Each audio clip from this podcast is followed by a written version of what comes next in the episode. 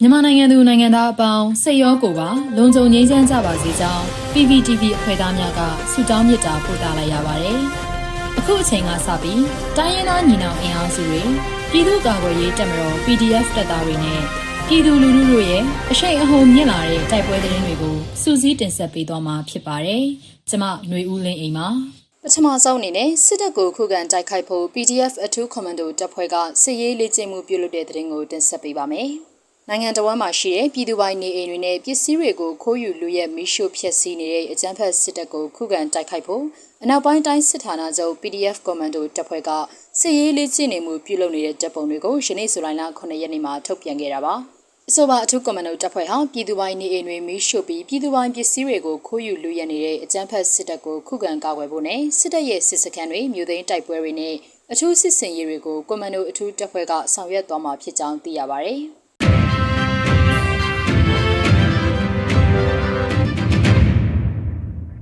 ဆက်လက်ပြီးပေါင်းမြို့နယ်ကြောက်မစင်တောင်တွင်အကြမ်းဖက်စစ်တပ်နဲ့ NVRF တို့ကြားထိတွေ့တိုက်ပွဲဖြစ်ပွားပြီးစစ်ကောင်စီဘက်မှတအူးသိဆုံးကနှစ်ဦးဒဏ်ရာရတဲ့တဲ့ရင်ကိုတင်ဆက်ပေးပါမယ်။မကွေးတိုင်းပေါင်းမြို့နယ်မကြီးကုန်းကြောက်မစင်တောင်ပေါ်မှာအကြမ်းဖက်စစ်တပ်နဲ့မြိုင်မြို့နယ်ကြေးရွာများတော်လှန်ရေးတပ်ဦး NVRF တို့ကြားဇူလိုင်လ9ရက်နေ့နက်မှာထိတွေ့တိုက်ပွဲဖြစ်ပွားပြီးစစ်ကောင်စီဘက်မှတအူးသိဆုံးကနှစ်ဦးဒဏ်ရာရကြောင်း NVRF ကသတင်းထုတ်ပြန်ပါတယ်။ အဆိုပါစစ်ကောင်စီတပ်ဖွဲ့ဟာပေါ့မြို့နယ်တရက်ကန်စခန်းမှာဇူလိုင်လ၄ရက်နေ့မှာအင်အားတရာခန့်နဲ့စစ်ကြောင်းထိုးလာတဲ့အဖွဲ့ဖြစ်ပြီးဇူလိုင်လ9ရက်နေ့နက်9:28မိနစ်မှာ MVRF နဲ့တနအီခန့်ထိတွေ့တိုက်ပွဲဖြစ်ပွားခဲ့ကြမှာတိုက်ပွဲမှာလက်နက်အင်အားမများလို့ MVRF ကပြန်လည်ဆုတ်ခွာခဲ့ကြောင်းနဲ့ထိခိုက်ကြဆုံးမှုမရှိခဲ့ကြောင်းသိရှိရပါတယ်။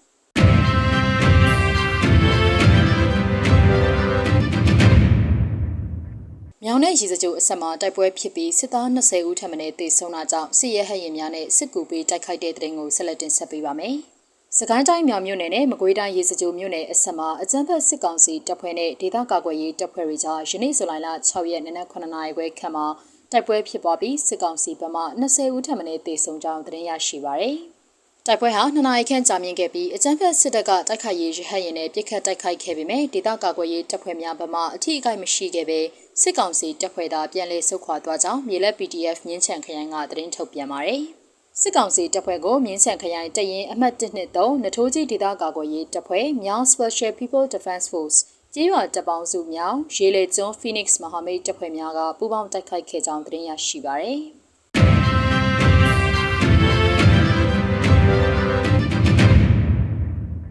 နောက်ဆုံးအနေနဲ့အမျိုးသားညီညွတ်ရေးအစိုးရပြည်ထောင်ရေးနဲ့လူဝင်မှုကြီးကြပ်ရေးဝန်ကြီးဌာနက2022ခုဇူလိုင်လ9ရက်ရက်စွဲနဲ့ထုတ်ပြန်တဲ့ပြည်သူ့ခုခံတော်လှန်ရေးသတင်းအချက်အလက်တွေကိုတင်ဆက်ပေးသွားမှာပါ။အနာသိန်းကျန်းဖက်စစ်အုပ်စုရဲ့ပြည်သူလူထုအပေါ်အကြမ်းဖက်ဖိနှိပ်ဖန်ဆီးတိုက်ခိုက်တပ်ဖြတ်နေမှုတွေကိုပြည်သူလူထုတရက်လုံးကအသက်ရှင်တန်ရေးအတွက်မိမိကိုယ်ကိုမိမိခုခံကာကွယ်ပိုင်ခွင့်အရာပြည်သူခုခံစစ် People's Defensive Forum ကိုဆင်နွှဲလျက်ရှိပါတယ်။ တရင်အချက်လက်များအရ6ရက်9လ2022ရက်ဗုဒ္ဓဟူးနေ့မှာစစ်ကောင်စီတပ်ဖွဲ့ဝင်18ဦးသေဆုံးပြီးထိခိုက်ဒဏ်ရာရရှိသူ12ဦးအထိခုခံတိုက်ခိုက်နိုင်ခဲ့ပါတယ်။ဆီယနာရှင်စနစ်မြန်မာပြည်ပေါ်မှာအပိတိုင်ချုပ်ငြိရေးနဲ့ Federal Democracy တည်ဆောက်ရေးအတွက်ငြိမ်းချမ်းစွာဆန္ဒပြတဲ့လူလူသပိတ်တိုက်ပွဲများကပြည်내နဲ့တိုင်းဒေသကြီးများမှာဖြစ်ပွားပေါ်ပေါက်လျက်ရှိပါတယ်။မြေပြင်မှာယခုတွေ့ရတဲ့သတင်းအချက်အလက်များထပ်ပို၍ဖြစ်ပွားနိုင်ပါတယ်ရှင်။